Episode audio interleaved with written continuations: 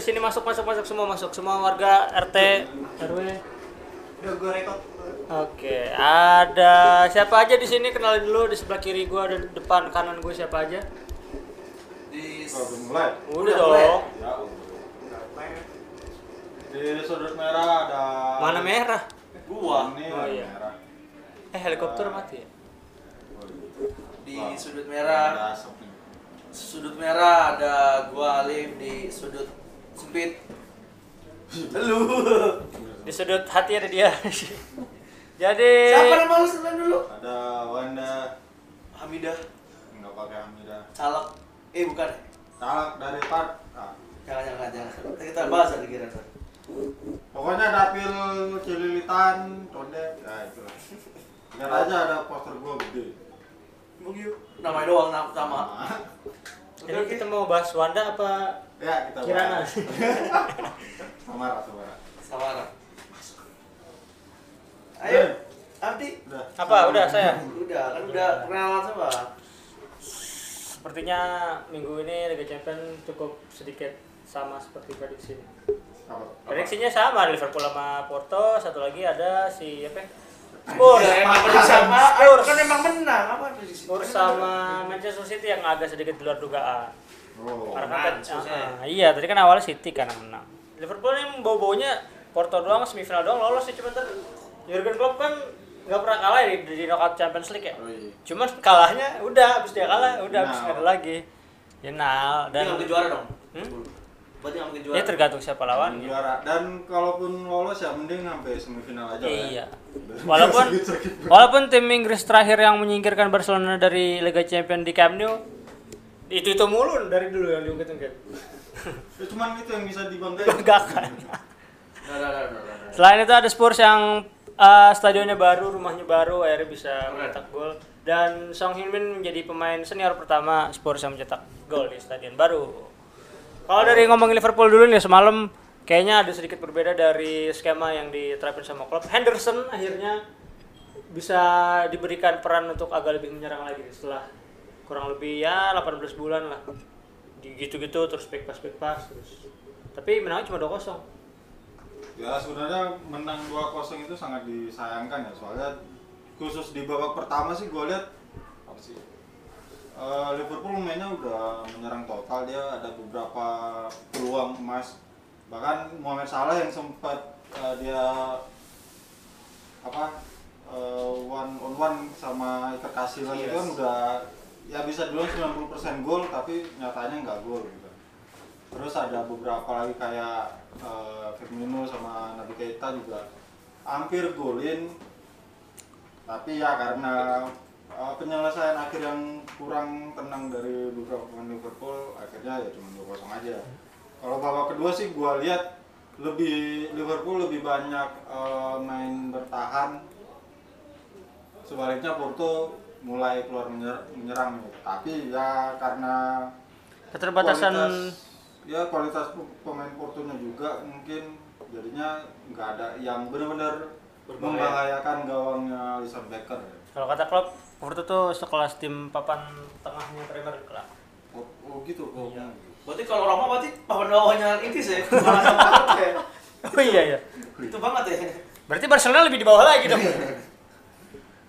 ya kalau kalau dilihat dari hasil Quick count. sama hasil yang musim lalu kan beda banget Mm-mm. ini ya walaupun musim lalu main di Anfield 0-0 tapi kan mereka waktu itu udah punya modal kemenangan 5-0 di leg pertama Nah, berarti nanti di di Lisbon 5-0-nya.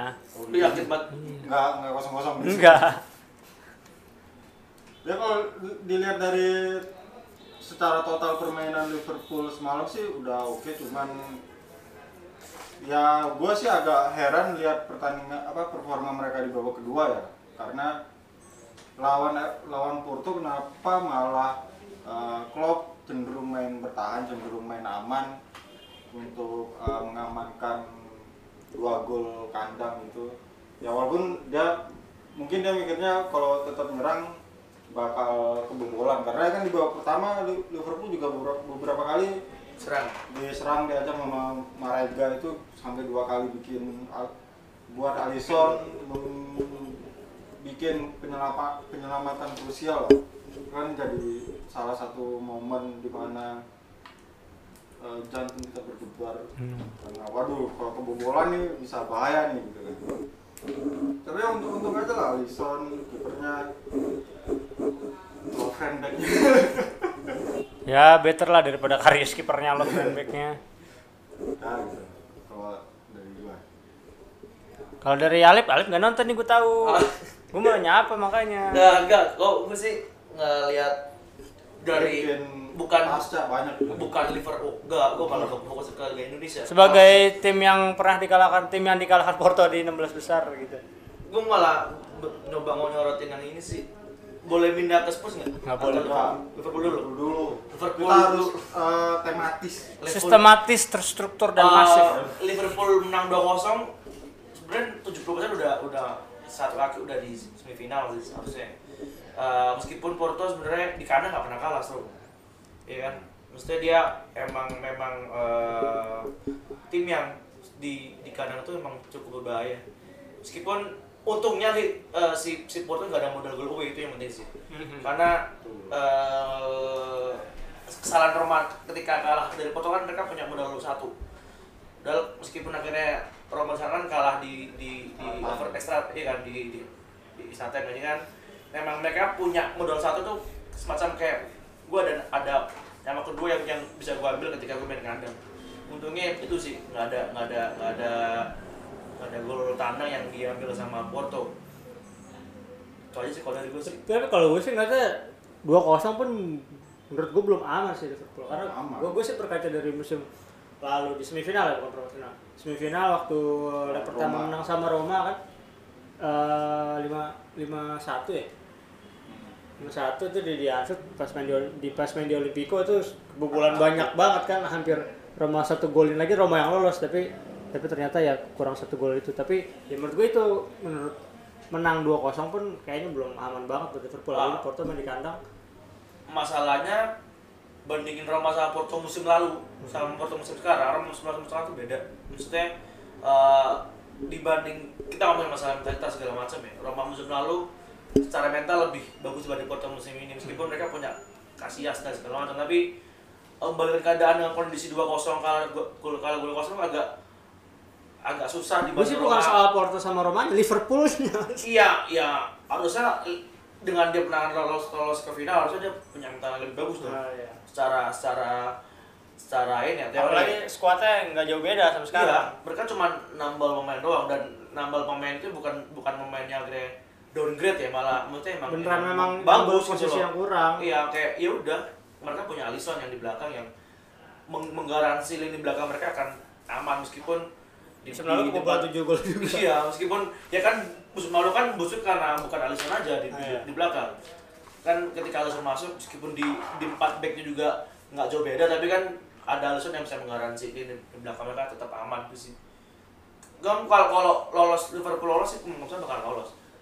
Menurut menurut gue ya. apa bakal lolos Liverpool bakal lolos. tapi kalau bisa ngalahin Barcelona di semifinal juara sih tim Inggris yang ngalahin Barcelona di semifinal juara loh MU Ya, Chelsea. emang akan ngalahin Barcelona Liverpool. akan dong. Kalau. Nah, iya iya. Iya tapi gue termasuk orang yang gak yakin Liverpool akan kali Barcelona. Dengan kondisi Barcelona lagi bagus musim ini dibanding musim lalu ya. Gua gua yakin sih. Kalau ketemu Barcelona gua gua lebih yakin Liverpool ketemu Barcelona menang Daripada Juve? Juventus. Atau Oh, Ajax. Iya. Ajax Iya. Bah- bahkan atau Ajax eh, apa? Tapi kalau ki- kita kembali ke pertandingan yang Liverpool Porto gue sih setuju sama Abdi soal gimana nanti di leg kedua.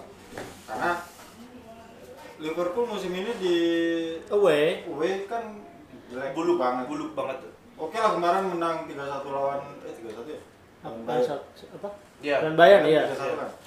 Walaupun menang 3-1 lawan Bayern itu gua rasa sih nggak menggaransi apa-apa ya karena nanti main di Porto yang ya kita tahu gimana eh, budaya sport supporter di Portugal kan eh, karena lebih tinggi. tekanannya lebih tinggi apalagi mereka eh, dukung klubnya itu kan ya bisa bilang beda sama Jerman lah ya. bisa bikin pemain mungkin uh, berada di bawah tekanan selama 90 menit pertandingan. Kalau menurut gue sih itu. Tapi uh, kembali lagi ke per- performa yang semalam gue menyoroti salah satu pemain Porto yang musim depan akan bermain di Real Madrid. Di Eder Militao itu gue lihat Ih, Militao kan Militao. ya Militao. Bu- semalam gue lihat ini pemain Madrid kok gini ya? Maksudnya dia, dia dengan gampangnya dilewati sama Mo Salah. Kan beberapa kali khususnya di babak pertama ya uh, serangan-serangan uh, Liverpool itu selalu berawal dari sisi kanan eh sisi kiri Porto Si Eder. ya which is which is itu jadi, Mati nggak? Makanan dong, Pak. jadi, jadi uh, posnya si Militao itu dan beberapa selalu selalu bolong kalau kalau lihat sih selalu bolong Ya, walaupun di situ ada si apa walaupun beberapa kali umpannya kayak salah sama tren itu agak-agak ngaco cuman eh, mereka selalu berhasil Menembus. eh, menembus kotak 16 nya Porto itu kan jadi Masalah. jadi masalah jadi warning Porto nanti kayak gimana si apa Militao nanti di leg kedua dipindahin menjadi back tengah ke posisi aslinya itu jadi PR juga lah dan ah, pertanyaan buat Madrid juga sih eh, sebenarnya kenapa beli pemain ini karena kan kalau kalau dilihat dari perform- khusus performa yang semalam ya kayak- kayaknya sih masih agak jauh ya kalau untuk misal Madrid. Ah, Madrid dan misalkan nantinya diproyeksikan sebagai pengganti Marcelo. Ya, kalau soal Eder meskipun gua nggak nonton ya, cuman eh, menjustifikasi pemain dari pertandingan tuh nggak bagus. Apa? Menjustifikasi satu satu pemain dari satu pertandingan tuh nggak bagus. Ya. Iya, ya, gua paham sih. Ya, memang memang gak bagus, cuman kan karena bisa dibilang ini Porto ketemu Liverpool kan, kan eh, jadi satu-satunya pertandingan musim ini yang dihadapi Porto lawan tim gede ya. Kurang apa Roma ya? bukan? Emang Roma. kan dia di fase grup kan lawannya Ya. ya so-so Setara lah ya. Setara. Ini eh, ketemu Liverpool ya Lima kali juara juara pakai badge of honor. Ya, itu sih ka- kalau gue sih lihatnya lebih ke itu ya ke itunya bukan Ya, ya karena pertama kali ketemu ketemu tim gede dan lawannya semua salah. Pemain yang yang emang digadang-gadang jadi salah satu pemain yang akan melejitkan. Dia dia, punya kemampuan itu. Tapi eh, soal Madrid emang si Militao di di pertandingan sebelumnya emang bagus. Masalahnya kan ya itu kembali lagi ke bisa ada, ada banyak hal sih kenapa dia kayak gitu. Mungkin kaget lawan salah karena salah kan kencang banget ya. Dia dia, dia punya kemampuan di di di pace gitu kan. Yang kedua mungkin ada faktor eh, taktikal dari pelatih yang mengharuskan dia tidak bisa bebas bergerak di sisi kiri. Mungkin ya karena karena bukan nonton. Itu sih. Itu karena bukan nonton Berarti kesimpulannya Liverpool belum aman walaupun udah menang 2-0.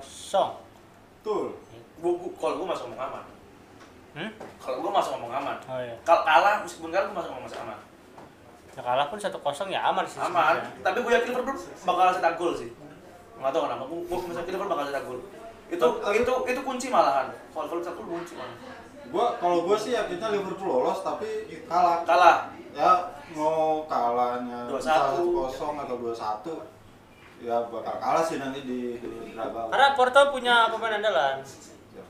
Jordan Henderson. Yang tadi diomongin ya. Kalau dari Spurs City, ini sebenarnya kan awalnya banyak banget yang bilang City, wah City bakal menang ya, Spurs nggak ada apa-apanya nanti.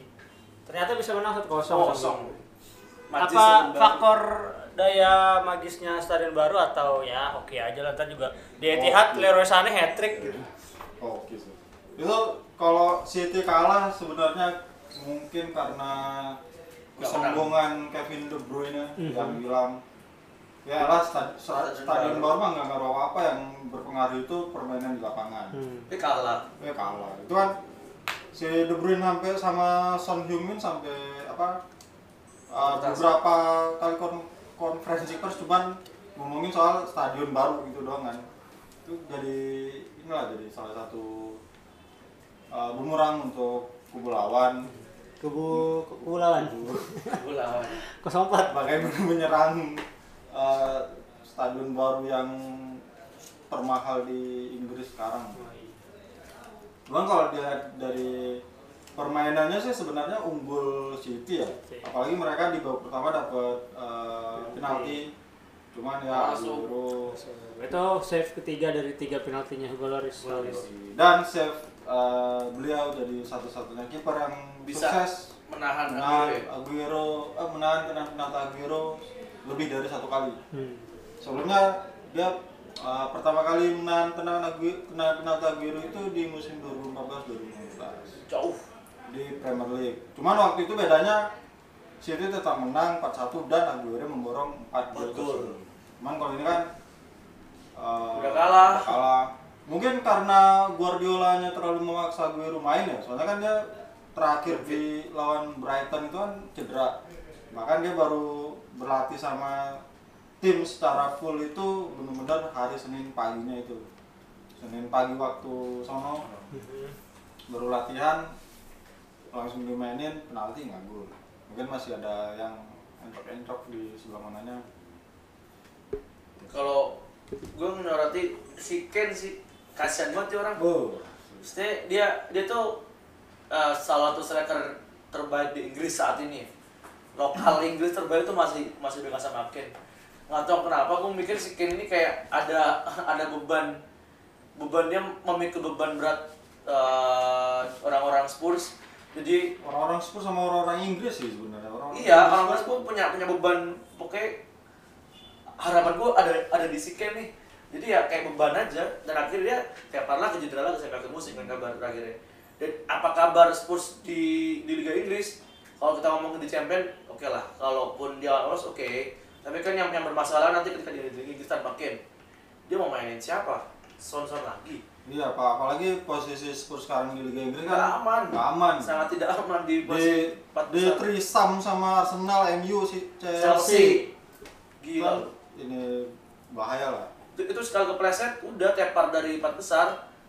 ya karena cuma beda dua Iya, sama di kan. antara empat tim itu gitu kayak kayak IP gitu kayak IP jadi salah sedikit turunnya jauh tapi menang dikit ya nggak naiknya nggak cepet juga Iya. IP. kayak IP begitu kan IP kira turun cepet dan terus IP apaan? TK. indeks kumulatif Oh, IP. ya. Dasar anak kuliahan. ya gitu jadi ya memang kayak be- beneran sih kalau kalau Spurs tanpa Kian apalagi di Premier League ya semua menurut gue sih ini harus Pochettino bakal pusing lagi. Iya, kalau kalau di kalau di di di champion gua kalau jadi jadi itu kayak ya udahlah. Iya. Kalau kalah ya udah kalau menang ya udah lanjut. Misalnya kalau di di di atas kan taruhannya gede tuh.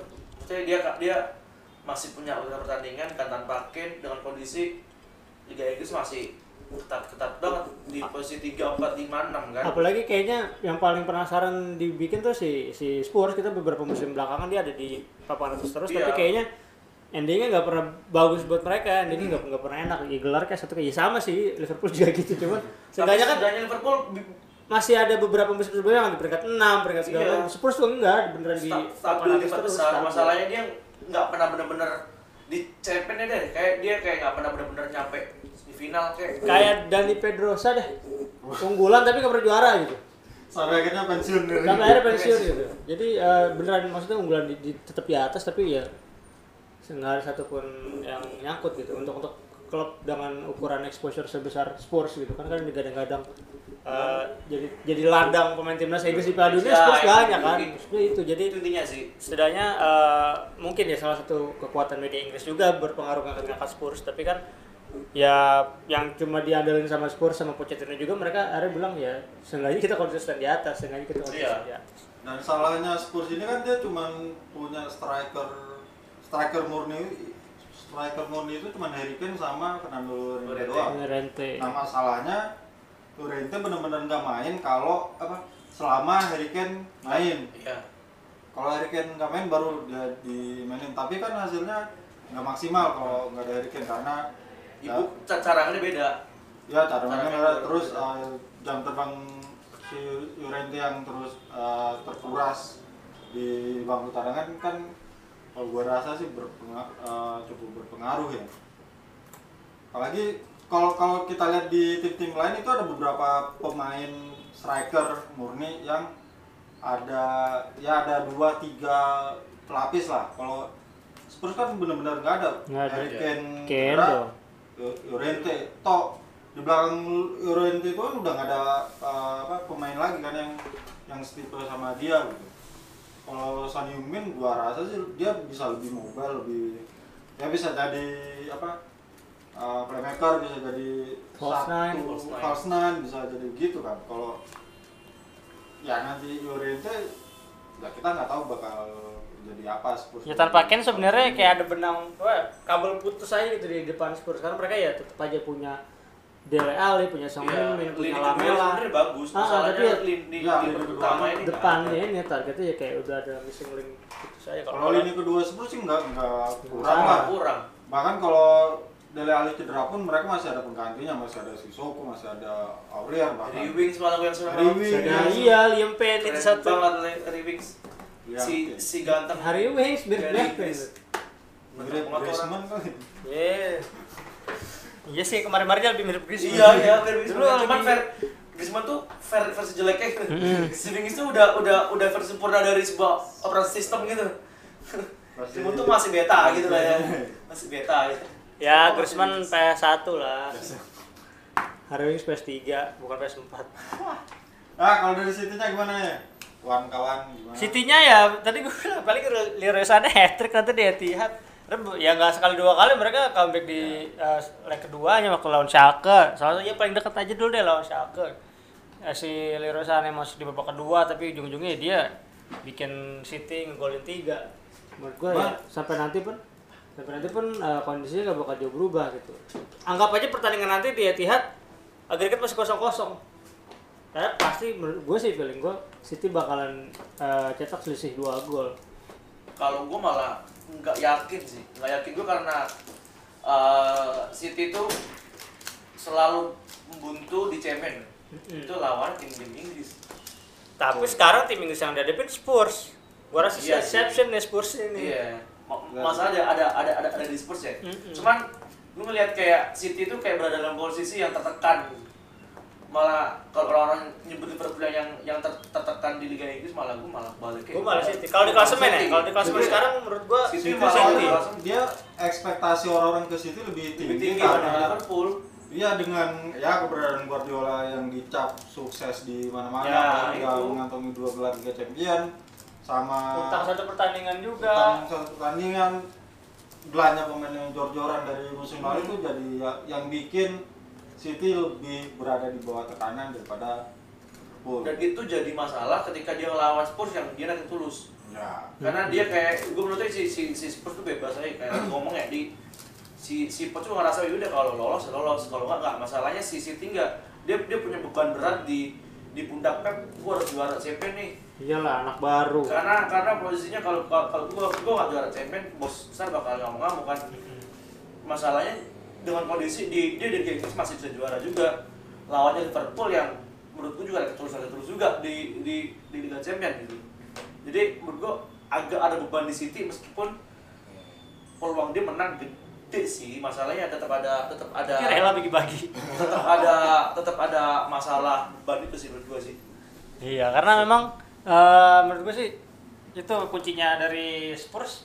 Ya mau nggak mau mereka jangan kelamaan defense ya. Ya kalau Iya. defense juga ya bunuh diri. Mau nggak mau diri. beneran Iya, attack Kalau- dan gimana caranya cari akal untuk meredam orang-orang itu di situ. Kalau defense melawan klub seperti City. City sih itu Bunuh uh, kebodohan besar sih itu, Mm-mm. kalau menurut gue. kecuali kecuali pelatih lu adalah Jose Mourinho Jose Mourinho. Ya. selesai Kecuali lu Sama mendapatkan Allegri lah. Allegri lah Iya. gitu kalau pelatih lu masih pelatih kayak Pochettino yang dia punya penyakit bukan nyerang terus lu jawa bertahan lu beda dengan dengan dengan Mourinho yang emang emang bangun bangunan serangan bangunan timnya emang malah bertahan Tapi kalau menurut gue sih yang jadi satu-satunya faktor yang bakal menghadang menghalangi City ke semifinal ya kayak tadi yang sempat disinggung sama Alik ya soal uh, sejarah pertemuan mereka melawan tim-tim Inggris di Eropa. Mereka lima kali ketemu lima limanya kalah ya.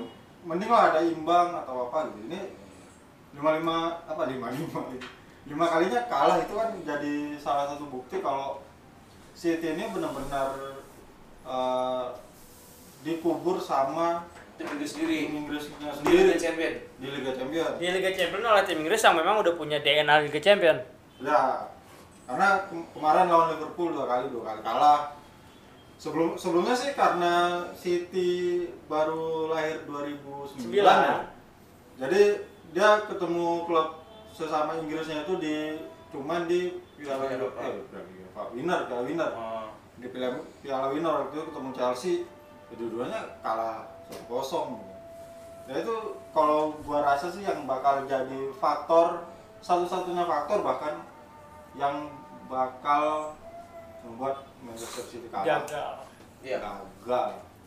Gitu. Tapi sebagai fans Liverpool, kalian berdua ingin Eh, enggak. nggak? Yo, belak-belakan aja. Kalian ingin Liverpool eh, ingin ingin City lolos nggak? City lolos ya enggak lah. Enggak. Kalau enggak, dia akan fokus Liga Inggris.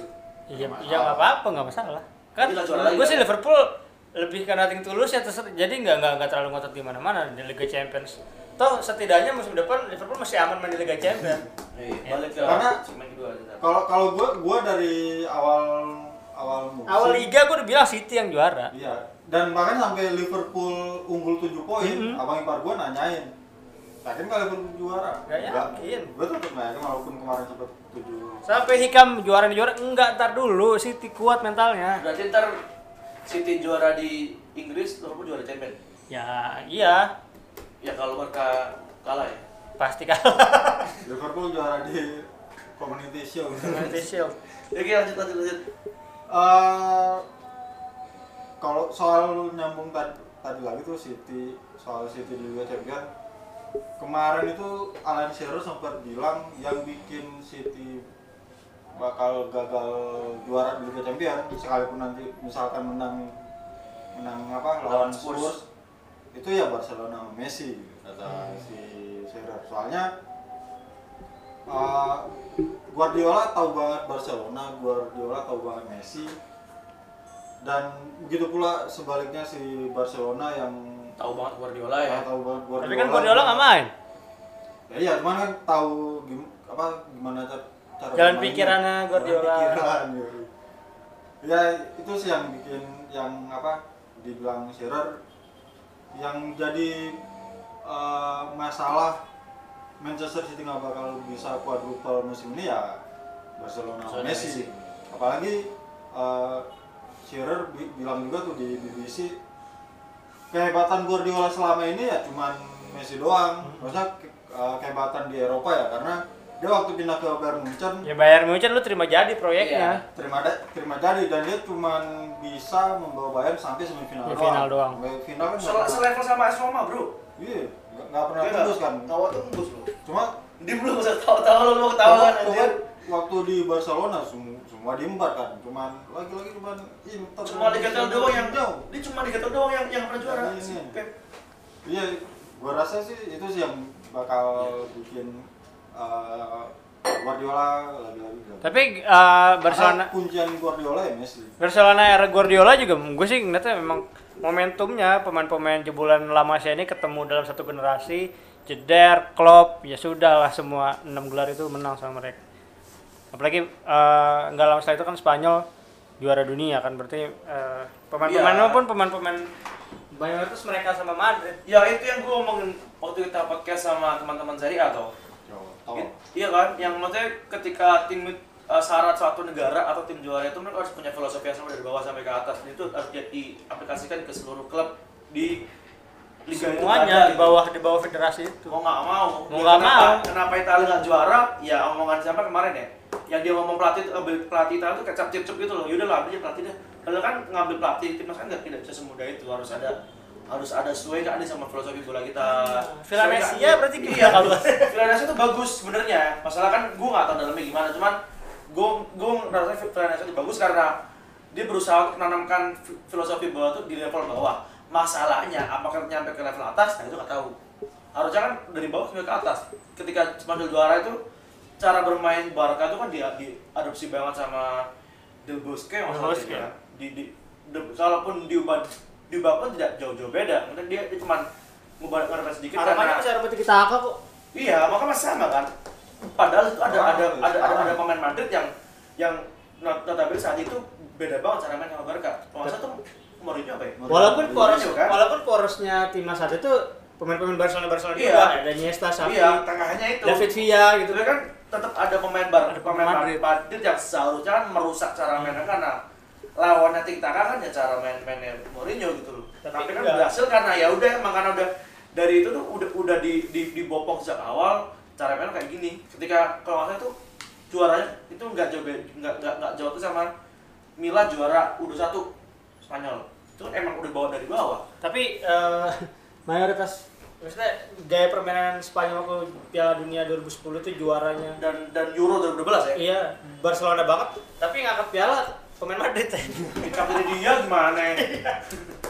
nah ber- iya Spanyol juga 2010 itu udah terusan dari 2008 warisan Aragones Iya, 28 2012 akhirnya 2008, 2000 10, berapa yang dia juara sama 21 Milan sama musuhnya 2013 sama Isco iya jadi Iya. mungkin sekarang tiket aku udah mulai udah udah beberapa Diadaptasi tahun oh, Iya. udah udah mulai menemukan anti Tesis. antidotnya Nah, antitesisnya. anti tiki taka Hmm.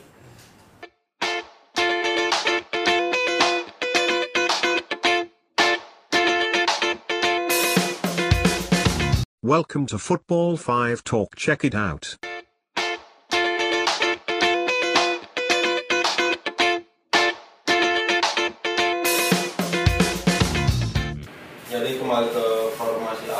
Kembali ke kita masing-masing. Kembali ke kita masing-masing apalagi kita menyambut bulan Ramadan. Mhm.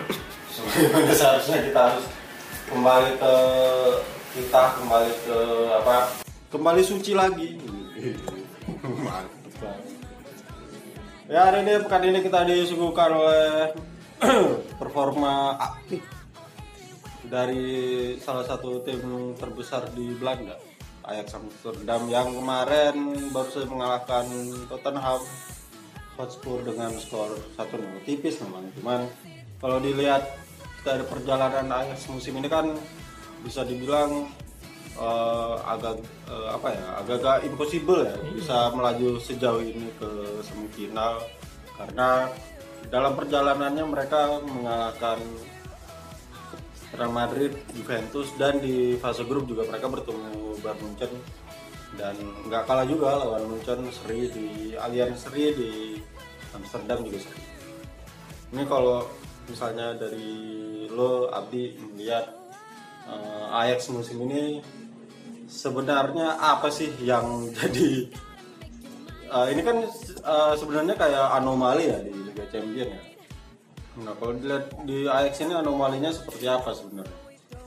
Kalau dari match lawan Spurs sebenarnya cuma dari keberlanjutan kejutan Ajax sih. Jadi eh, ketika mereka menang lawan Spurs menurut gua nggak kaget-kaget banget karena sebelumnya mereka udah pernah nyingkirin Juventus, udah pernah nyingkirin Madrid tadi kayak yang lu bilang, udah pernah nyeriin Bayern di Allianz. Jadi kalau cuma untuk sekelas Spurs di stadion yang baru ini apalagi cuma satu kosong jadi ya sebenarnya ini lanjutan dari ya udah penampilan bagusnya Ajax dan orang-orang juga kayaknya ini hasil yang diharapkan sama mayoritas publik dunia sekarang gitu. Ajax untuk menang lawan Spurs di eh, London. Tapi kalau ditanya kenapa apa yang bikin Ajax jago musim ini sebenarnya kan Ajax grafiknya tuh rada lambat terus akhir-akhir meningkat meningkat meningkat meningkat kan.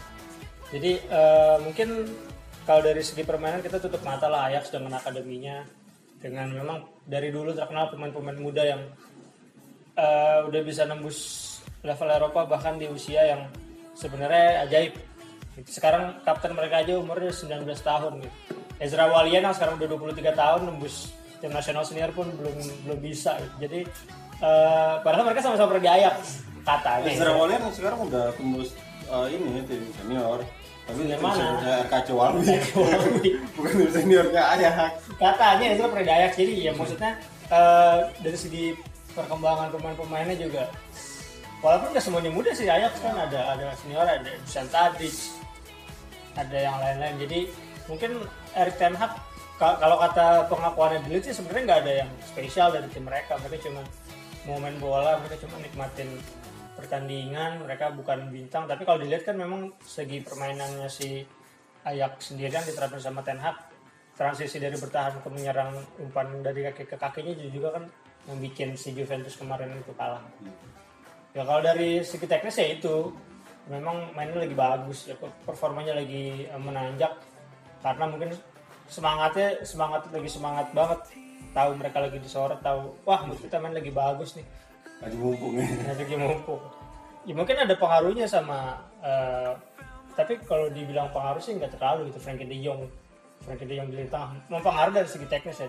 Tapi ini ini kalau kalau soal dia diincar sama Barcelona terus mainnya jadi semangat menurut gua nonsense ke arah sana. gitu. Karena kan sebelumnya kan ada cerita bilang wah sebelum bahkan sebelum berseragam Barcelona dia udah mikirin dua eh, pihak yang jadi tagih dari Barcelona kan Madrid sama Ronaldo. Tapi menurut gua itu Emang Ajaxnya yang jago, memang kebetulan Madrid yang lagi berantakan sebelum itu Zidane belum datang, belum balik sorry sama Allegri yang memang kepleset sih. Eh, gue sih setuju yang lu bilang soal Ajax yang terlambat panas karena kalau di kita lihat dari apa dari penampilan mereka di fase grup Hmm. kan nggak sempu nggak sempurna sempurna banget lawan Bayern dia eh, seri oke lah Bayern karena tim kuat cuman kayak lawan eh, klub lain itu lawan AEK Athena juga sempat timbang kan gue dari salah satu eh, memperkuat anggapan kalau Ajax memang terlambat panas.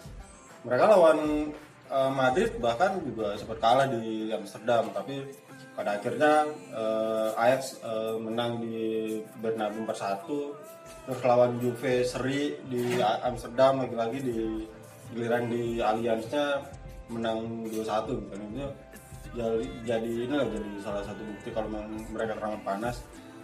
Bahkan di setiap per- pertandingan itu juga kan mereka eh, tertinggal lebih dulu terus kan Kecuali tadi malam lawan Spurs. kecuali tadi malam lawan Spurs sama lawan Madrid di Bernabeu. Bernabeu. lawan Juventus mereka dua kali tertinggal lebih dulu tapi akhirnya bisa imbang bisa membalikkan keadaan. Dan eh, kalau kita apa kembali ke skuadnya ya ini sih jadi salah satu kejelian si Ten Hag ya karena eh, kita tahu lah selama ini Ajax eh, selalu dihuni pemain-pemain muda. Cuman dia eh, musim ini eh, bisa dibilang lebih spesial karena eh, menyatukan beberapa pemain eh, pemain tua bisa dibilang tua lah ya. Eh, pemain tua kayak Dusan tadi Klasen Muntelar walaupun beberapa kali di eh, lebih dicadangin Sebelum ke superstar sih, Huntelaar tuh gue ngatanya kayak DP waktu Ajax 2010. Senior tapi masih ada gunanya, tapi tapi nggak di tim utama. bukan BP di Liga 1 kemarin Enggak. Tuh bang, manajer sama ini sama apa sama gelandangnya si Lasion itu kan kalau Iya. nggak salah dia nggak muda muda banget umur 25an kalau nggak salah itu sampai didatengin apa tur- tapi kok eh, kalau dibilang yang tua terutamanya ke Dalglin nama Tadik ya karena kan mereka baru didatengin musim ini. Ini ini sih se- sebenarnya menarik karena eh, si Ten Hag pelatihnya itu sempat ngomong ke sempat ngomong ke media kenapa eh, dia sampai datengin dua pemain tua itu? Padahal di M, uh, Green di MU dan tadi di Southampton juga bagus-bagus banget kan kenapa akhirnya mereka dia memilih itu? Dia bilang gue sebelum pas musim lalu berakhir itu gue ngomong sama Mark Overmars si CEO, eh, presiden, direktur. direktur, CEO-nya direktur, kan ah, direktur olahraganya Ajax dia, eh, dia ngomong gue bilang gue bilang sama Overmars itu it- eh, kalau mau tim yang kuat stabil sepanjang musim lo harus punya sebagian pemain yang usianya di 20-an akhir ya udah akhirnya jatuh pilihan ke ke mereka berdua pertama mungkin beliin eh, produk akademi dan gagal juga dia MU. gagal di MU dan pengen balik ke Enggak. Ajax dan belum tua-tua banget karena baru 30 tahun. Tadik juga sebenarnya kan gitu. Tadik eh, dia sebenarnya bagus di Sot di Soton, cuman musim lalu kan agak-agak tersingkir nih sama si Lemina kalau nggak salah yang mantan defender itu gara-gara itu ya udah akhirnya datang dimainin dan jadi bintang pula gitu. Itu jadi jadi kayak kayak pelengkap lah kayak tadi pelengkap uh, melengkapi keberadaan Hakim Ziyech Ya. si Blin melengkapi Jadi Blin kan di belakang. ya Delik sama Tagliafico gitu itu jadi jadi bukti sahih kalau uh, apa fenomena Ajax ini ternyata nggak cuman uh, di dialami pemain mudanya doang. Tapi ada si Blin dan adik juga. Tapi titik baliknya Ajax kalau dilihat sih memang waktu lawan Madrid sih. Waktu pertandingan lawan Madrid pertama kalah 2-1 itu di eh, Amsterdam kan ya udahlah Madrid kayaknya bakal lanjut ya. Dan ternyata just di Bernabeu di menang 4-1 nah di situ sampai apa ya semangat itu muncul lagi sampai di liga juga bahkan ketika mereka lolos ke semifinal operatornya sampai bela-belaan harus ngatur jadwal lagi kan biar biar Ajax nggak capek. Ya itu tipikal hubungan federasi dan tim ibu kota lah. Jadi eh, lumrah ya. Lumrah lah tim ibu kota dan federasi emang selalu seperti itu. Kebetulan. Tapi ya benar titik balik itu ada di eh, kalau gue kalau kalau gue cuma ada di lawan Madrid tadi. Karena sebelum lawan Madrid orang siapa yang ngelirik? Ajax. Mereka bisa nyeriin Bayern pun orang nggak ada yang aware itu alarm bahaya gitu. Menganggap menganggap lolos grup juga ah oke dia mem- mungkin memang eh, anggapannya kan belum bisa belum bisa ngalahin Bayern tapi seenggaknya ngelawan Benfica sama AEK Athens sudahlah lewat dan ternyata enggak ternyata di babak 16 besar di perempat final dua tim yang nggak main-main gitu. Madrid dan Juventus bisa lewat begitu aja sama De Jong dan lain-lain lo, lo kalau kalau ngeliat si Erik Ten Hag ini gimana uh, kiprahnya sejauh ini permainannya apa memang dia ala-ala Mourinho yang pragmatis sama menang atau memang dia Terus enggak enggak juga sih ya enggak ya? karena kan waktu lawan Juventus enggak enggak pragmatis pragmatis banget kalau dilihat dia memang bener apa. Enggak gua enggak seguardiola itu. Enggak. Saya Ten Hag just being Ten Hag lah. Gitu. Dengan eh, puzzle-nya dia pemain muda pemain tua, siapa yang nyangka bisa tadi bisa berguna sedemikian rupa Nah, itu Siapa yang nyangka Tagliafico, siapa yang nyangka Daley Blind bisa eh, bikin Ajax konsisten gitu. Jadi dia, dia nemuin komposisi yang pas untuk untuk satu tim gitu. Sebenarnya eh, kalau ngutip quotes dari Anggun, sebenarnya nada itu Anggun penyanyi. Ini ada hubungannya nih. Sebenarnya nada itu kan udah udah tersedia gitu di di di, di oksigen ini. Tinggal gimana kita eh, ngambil tune yang mana untuk oh ini buat ref, ini buat eh, intro dan lain-lain. Sama juga kayak tim si si, si Ten Hag bisa Oke, gue punya Ten Hag, eh gue punya Ten Hag, gue punya De Jong, gue punya The Ligt, gue butuh pemain senior yang kira-kira masih konsisten ya udah gue pilih kontrolar dan lain-lain. Ya jadi puzzle itu walaupun secara rata bukan bukan pemain bintang nggak ada satupun dari mereka pemain bintang tapi ya secara komposisi dia nemuin takaran yang pas. Betul. dan eh, sebenarnya si Ten Hag ini walaupun kita baru dengar nama musim ini ya dia udah menjalani karir pelatih itu udah udah cukup lama ya apalagi iya dia dulu pernah sama Guardiola. Nama Guardiola. Eh, cuman kalau dilihat dari awalnya itu sebenarnya apa kan sekarang banyak lah yang bilang Ten Hag ini Guardiola dari Belanda. Karena ya eh, apa muridnya Guardiola juga. eh, cara bermainnya juga sama. Cuman sebenarnya sih dia lebih kepada muridnya si Fred Rutten kalau ya kalau gue nggak salah Fred Rutten namanya dia kan eh, mengawali karirnya pelatih itu sebagai pertama sebagai asisten di FC Twente Twente Enschede gitu. Nah ya kan. Ngontek dulu. Ngontek dulu. Dan dia nggak nggak cuman Ajax doang sebenarnya di, di Belanda dia udah melanglang melanglang buana lah. Cuman ya itu karirnya di sebelum di Ajax cuman asisten pelatih tadi di Rutan di sama apa di Twente terus dia pindah ke PSV tetap ngikut si Rutan. Baru udah dari PSV Rutannya dipecat. Si Ten Hagnya baru belajar ke si siapa tadi kata lu? Guardiola. Guardiola. Di Munchen ya? dibayar Iya, tapi dibayar. dibayar dua dia si. Ten Hag sama kayak ini. Klopp dengan siapa tuh? Zelko Kovac. Ah, David Wagner cuman Wagner David Wagner Bruno Wagnernya kan baku ini jadi ini lah si siapa si Ten Hag Kayak Mourinho dan Brendan Rodgers. Asli di Chelsea. iya dong. Itu jadi eh, memang Rodgers apa mau Mourinho Van Gaal? Mourinho Mourinho Van Gaal. Les Boas Villas Boas. Ini Villas Boas ya? Kan beda angkatan. Weh sama Ah itulah intinya.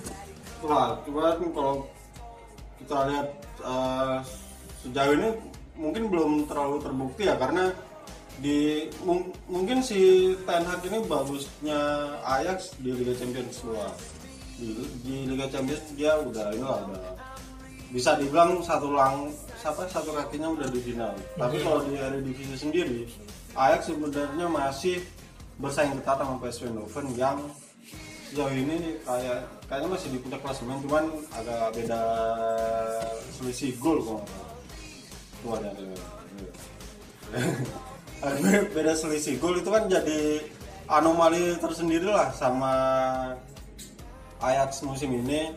Dia di Liga Champion bagus banget tapi di Liga Belanda agak-agak kurang. Bahkan Januari lalu mereka sampai dibantai Feyenoord itu 6-2 ini jadi tanda tanya ya karena kan Januari itu eh, mereka udah memastikan diri lolos ke 16 besar. Tapi tiba-tiba pas dilihat lawan Feyenoord dibantai 6-2 sama Robin van Persie DKK kan di- kenapa gitu tapi ak- akhirnya eh, belakangan mulai naik lagi mulai naik lagi sampai Sampai pas lawan ah, Madrid itu. Lawan Madrid. Sampai sekarang poinnya sama di, Iya. di puncak. Kli- klimaksnya sih di di itu di lawan Madrid gitu sih Iya kok kalau bisa Son Madrid. Jadi memang ya kalau kalau ditanya faktor apa yang bikin Ajax bagus musim ini ya faktor-faktor tadi itu.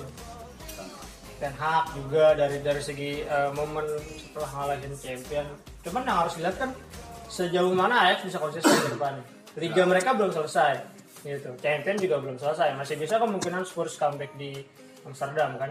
Jadi eh, sampai sampai sekuat apa De Jong, De Ligt menjawab euforia, menjawab ekspektasi dari eh, masyarakat eh, dunia gitu kan. Alternatif tim-tim fans tim mayoritas tim tim saat ini kan kalau nggak yang juara Ajax baru Barcelona Le- lebih paling rela tuh mayoritas fans sekarang yang juara Liga kan Ajax. Yang kedua oke lah kalau Ajax yang juara oke Barcelona lah. Kalau Barcelona ya Liverpool mau nggak mau Liverpool tuh paling hindar untuk jadi juara Liga Champions. Ya, apalagi Spurs, Spurs itu kepentingan apalagi tim-tim di London kayak Chelsea, Arsenal sih terutama. Jadi eh, banyak yang ngedoain Ajax untuk juara Liga Champions musim ini. Cuman ya sejauh mana mereka bisa menjawab si beban besar yang ada di pundak itu. dan semoga sih dengan kemenangan Ajax di Tottenham Hotspur Stadium Belum ada namanya kan? belum ya gue gue berharap eh, Spurs cepet-cepet dapetin inilah sponsor lah buat eh, nama stadion ya soalnya kan nggak CEO friendly lah eh CEO SEO friendly. nggak SEO friendly di di ini di CMS masa udah Tottenham Hotspur melawan ini di stadion Tottenham Hotspur kan jadi jadinya merah gitu nggak enak Maka kita harus terpaksa pakai Allianz Stadium ya untuk yeah. Juventus Stadium.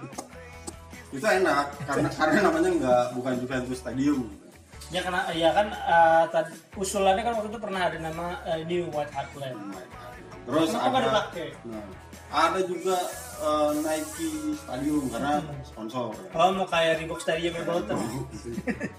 yang saat sekarang itu klub nggak bisa bayar gaji pemain. Itu Gitu. Bolton sampai klubnya mogok Untung Bolton nggak udah degradasi lama ke Liga 2 kalau enggak nggak tahu dah tuh apa jadi tapi kalau ke- kembali lagi ke Ajax. Nah, kan lupa gue kan. Ya semoga dengan kemenangan ini Ajax eh, di Belanda sana nggak ada acara ala ala dahsyat. Menporanya ya menpo nggak apa menporanya nggak harus bikin spanduk gede di di bandara lah ya. Karena harapannya sih itu karena takutnya eh, kalau kata Mandra pemain AS ntar takutnya kolodan. Oh, kalau itu di sini mana?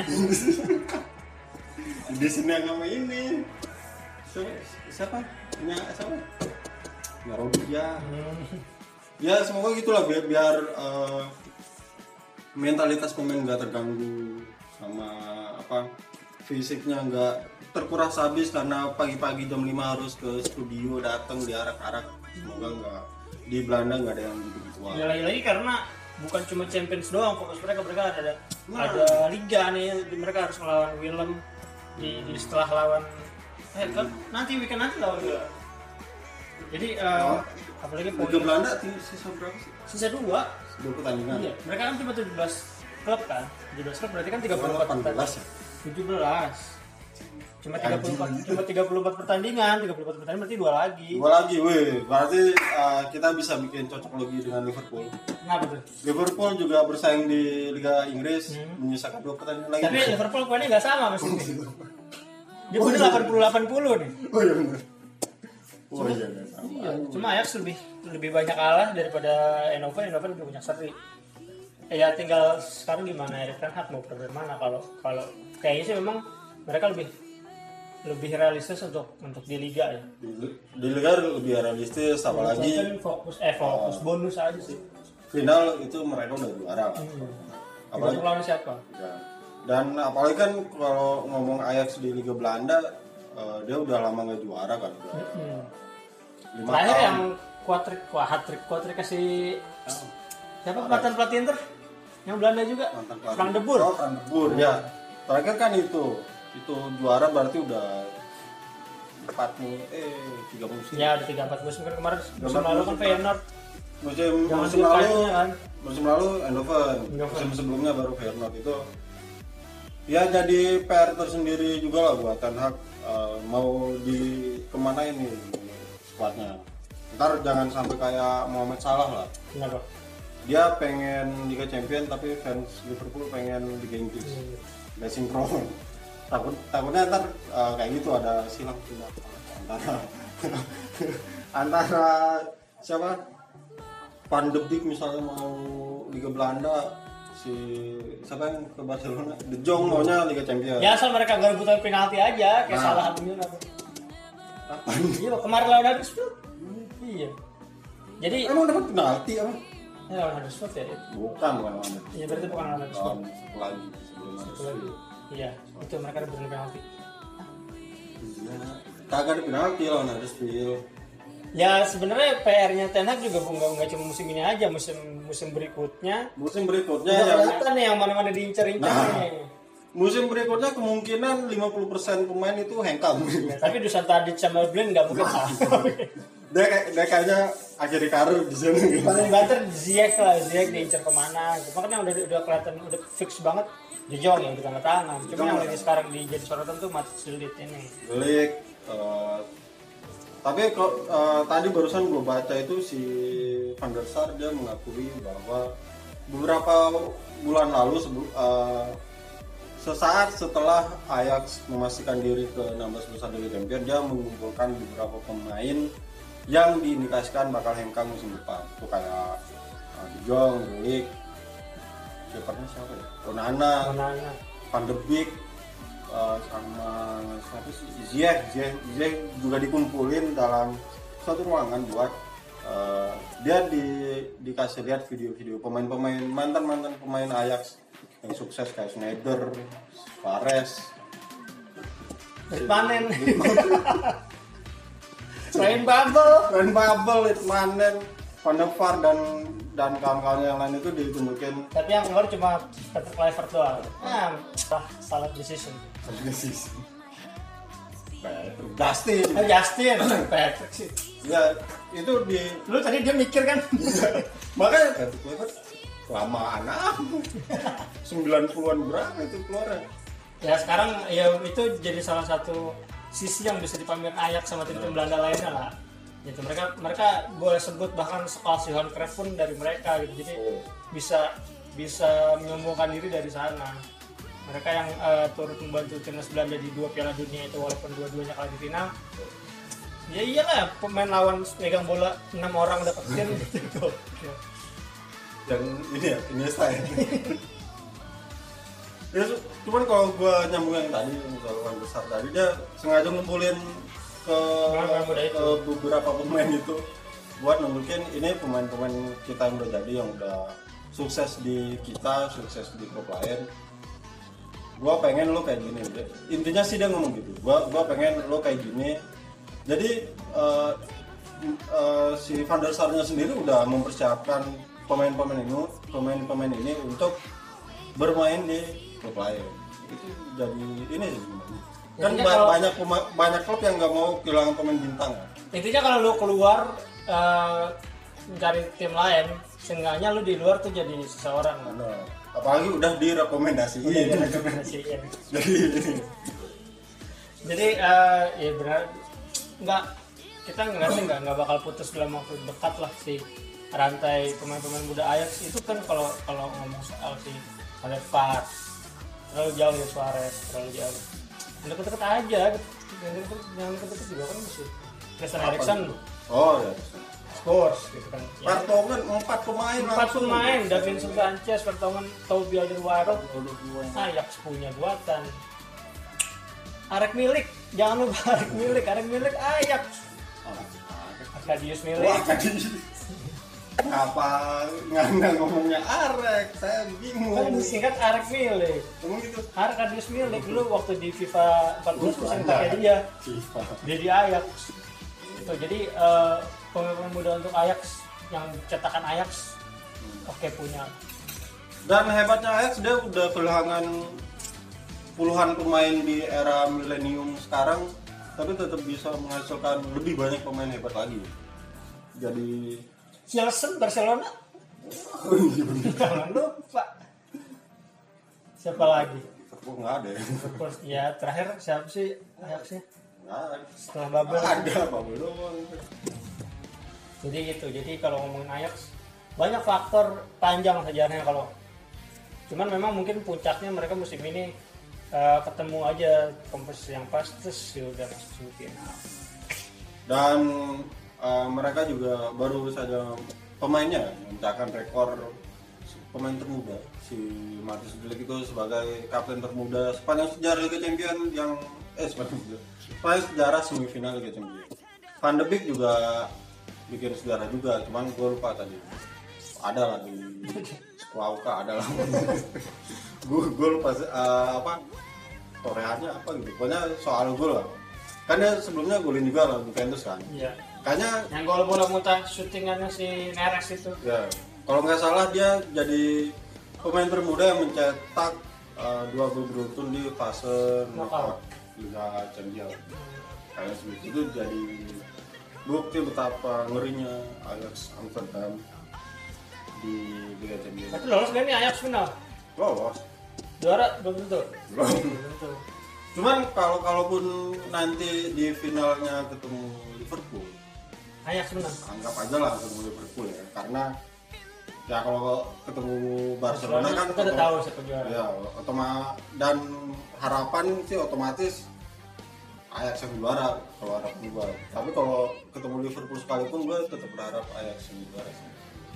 karena ya itu tadi feno karena fenomena Ajax Amsterdam dan mereka ada bulan dan gua hubungan Aceh sama Belanda nggak bagus-bagus banget karena itu kar- karena di era pen- masa penjajahan Aceh kagak dimasukin nama company iya musuhan Aceh waktu itu teman sama Masuk. Turki. Iya masuk sih cuman nggak dijajah cuman ya numpang hidup lah. Makanya gue harap Belanda eh Belanda lagi. Ajax eh, juara. Sekalipun lawan Liverpool. Tetap ya kita lihat aja nah, kalau lo gimana? kalau gue di mana? Pertanyaannya apa sama. Kalau Ajax lolos ke final gue yakin sih lolos ke final. Bukan bukan karena mereka bisa menang di kandang Spurs ya cuman ngeliat Spursnya secara keseluruhan juga eh, fokusnya lagi lagi bingung nih. Dia mau ngejar final Liga Champions kayak udah-udahan banget tapi di di Liga Inggris juga empat besar. Masih udah pasti hampir terancam. aman udah, udah santai banget. Di, di di Premier League juga Spurs udah nggak mungkin juara juga. Di di Liga Champions ya itu.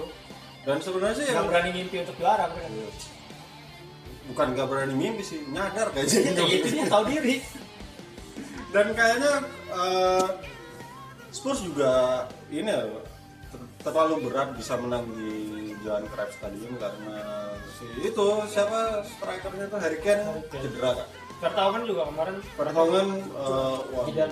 babak belur kayak anakku yang tadi di, di Bandung. Bandung Ke Bandung terus lagi. Bandung iya. Bandung melakukan apa lagi Biasa. itu kan di kabupaten Oh iya. Karena kota ya. Bandung Iya, sama kabupaten Bandung beda kan beda. Tadi di di Patoper. Bupati Bogor tahu lu Tahu gua.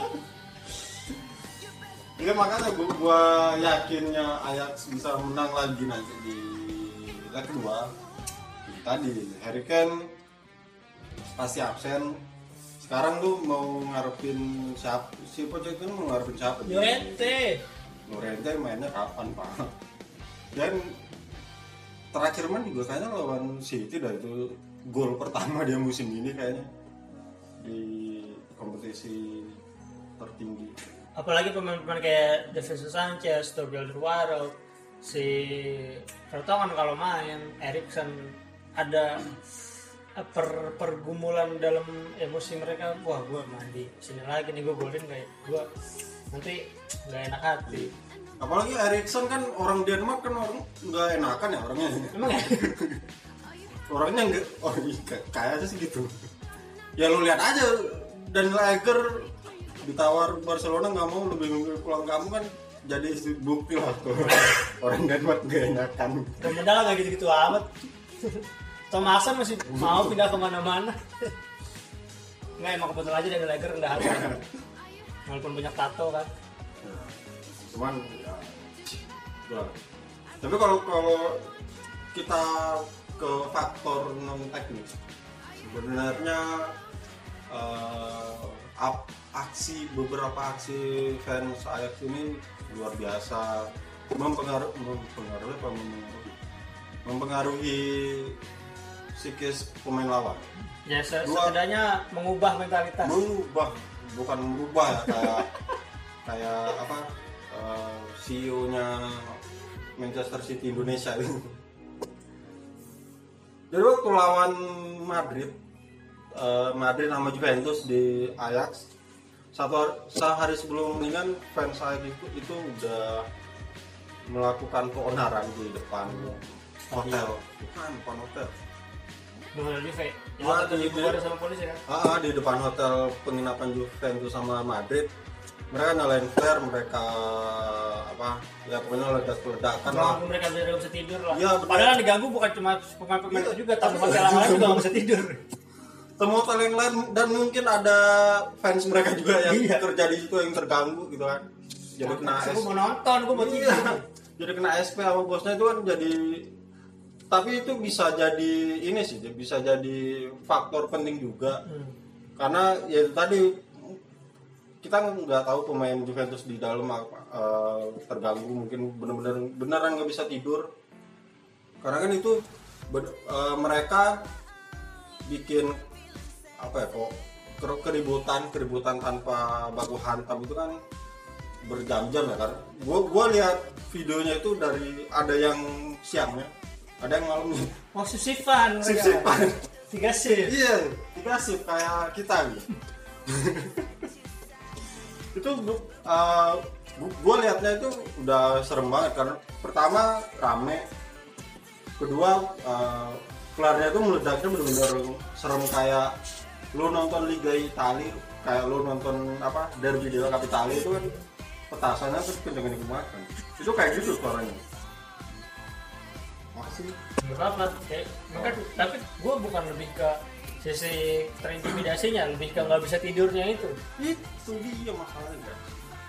Jadi mereka benar-benar ini loh apa tahu bagaimana menyambut menyambut lawan dengan dengan apa dengan baik dan sopan mungkin menurut mereka. Tanpa kekerasan tapi caranya begitu. Kan bangsat ya tapi benar mereka mematuhi kaidah-kaidah yang ya tanpa kekerasan walaupun flare segala macam itu kalau udah sama PSSI dendanya udah berapa oh makan Hah? botol aqua nggak boleh masuk oh enggak uh, gesper nggak boleh masuk fans bos fans tim ibu kota nggak mainan botol aku Tendang apa? Botol ini, botol. Udah beli. Enggak, fans tim ibu kota nggak ada yang menang. PSSI mau Gasper nggak boleh masuk. Parfum gue aja nggak balik. Gasper, gue masih sama polisi itu di GBK. Kesel gue. Jadi kayak, kayak gitu loh, salah satu bukan salah satu, salah banyak ya, salah salah banyak faktor kenapa Ajax bisa eh, melaju lebih jauh di Liga Champions musim ini. Eh, faktor fans nggak bisa di dikesampingkan. Cuma dikedepankan aja. Apalagi kemarin di stadion Tottenham Hotspur kan rame banget itu sampai berapa blok gitu fans mereka sendiri dan mereka yang berisik loh padahal mainnya di kandang lawan yang fans ya seenggaknya pendukung Spurs lebih berisik daripada pendukung City Enggak, lagi pula pendukung Spurs gue rasa juga masih baru ngelawat stadion itu, jadi belum tahu sudut-sudut masuk lewat mana, sektor berapa, pintu berapa, itu yang dua fans ini sama-sama ngeja masuk stadion. Kalau fans away kan udah jelas di, di, dikumpulin di masuk lewat pintu mana, tribun mana. Mungkin kalau fans tuan rumah kan agak bebas. Mungkin di situ yang mereka agak Ya, kepencar-pencar. apalagi mungkin fans Spurs kemarin ini ya masih norak ngelihat apa bir yang Dari bawah itu ya. Mesti ngantri situ ya. Sama kayak waktu GBK baru dibuka, Nora yang keran bisa diminum langsung gitu. Jadi itu kayaknya eh, fans-fans yang apa? Apa sih Spurs sama fans? Gak ada ya? Apa sih Spurs apa sih? Gak ada ya? Ya, Pokoknya fans Spurs. Kurva, kurva northnya, kurva southnya, sama sektor limanya Spurs tuh belum belum ngumpul, jadi belum tahu dari mana. masih ya masih norak apa dari mana. apalagi mereka mungkin mereka bingung juga bro lu nonton ke stadion gak iya stadion mana ditanya stadion Tottenham Hotspur lu ke stadion Tottenham Hotspur apa kan mainnya Tottenham Aswan. Aja kan. Kalau di Jakarta, Padahal gua udah udah ini loh, udah gua susun beberapa kata tapi lupa. kalau di Jakarta kan ada Orange Street Boys ya. Mungkin di sana ada White Street Boys. OSB di sini nih Kampung Melayu. Dewi Sartika tuh OSB tuh nama-nama. Dewi Sartika. Iya, Dewi Sartika sini ada OSB Orange Street Boys. Kalau Jakarta itu mungkin di London pasar pintu ada White Street Boys. Itu mah Orange. all shop Oh, beda. beda. Oke, oke, udah. Udah, udah. Sudah gue kita kalau ngomongin Ajax bisa melebar-lebar nanti ke sejarah agresi 1-2 ke Indonesia Tengah, Indonesia Timur nih. Dia bisa ke DITI, bisa ke Gerakan Non Blok. Aja aja lagi. Siapa aja pemain-pemain Ajax yang katanya berada di Indonesia? Kita kan ngaco gitu. Iya, bisa ke politik DVD Impera. Ini yang menyebabkan Spurs, Madrid sama Juve kalah mungkin. Itu karena pemainnya di adu domba. Lah dia adu domba, Ronaldo dan siapa dia adu domba. Jadi ya jangan kayak gitulah. Yang kemarin squad Spurs yang jebolan Ajax dikucilin katanya nanti di, diindikasikan main mata so. Enggak, Ya. ini teori gue doang, enggak, enggak, teori gue doang. Tapi tapi kayaknya iya. soalnya pemainnya jelek jelek semua kan Davison Sanchez. Begitu Tau Taubio dulu gitu. Erikson yang biasanya bagus yang biasanya main aktif. Yang video skillnya nutmeg pemain lawan terkenal di media sosial kan masih pakai seragam Ajax. Itu. iya makanya. Sekarang yang nutmeg itu malah udah berganti tangan ke Frank Jong waktu menutmeg si Modric. Itulah jadi perbincangan seru kita hari ini soal fenomena Ajax Jangan. sedang musim ini apakah dia bisa juara Liga Champion kita harapkan saja Enggak juga. Lolos di Iya, final Liga Champions kita berharap ya kita berharap Ajax juara Liga Champion Liverpool Liverpool juara. Liga Inggris saja kalau Namanya tawakal ya kan. Kalau dekat kan dua-duanya aja digas. kita harus. Tetap bertabayun bertawakal. Istiqomah. istiqomah tawadu Tawakal. apalagi Kita harus jadi orang eh, zuhud.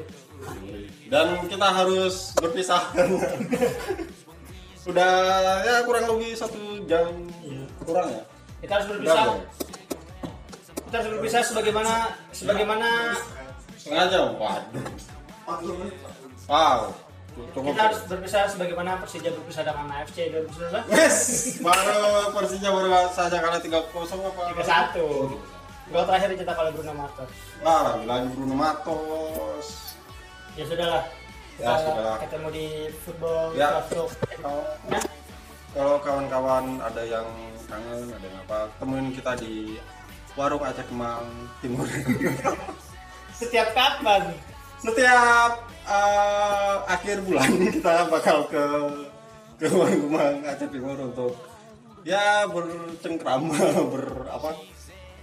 Ber, Followers kita berapa sih udah mau ngadain kopdar?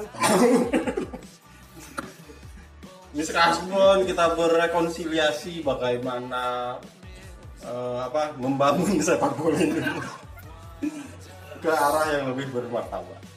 Akhirnya saya Wanda. Abdillah Anyam Pak. Amin. Oke.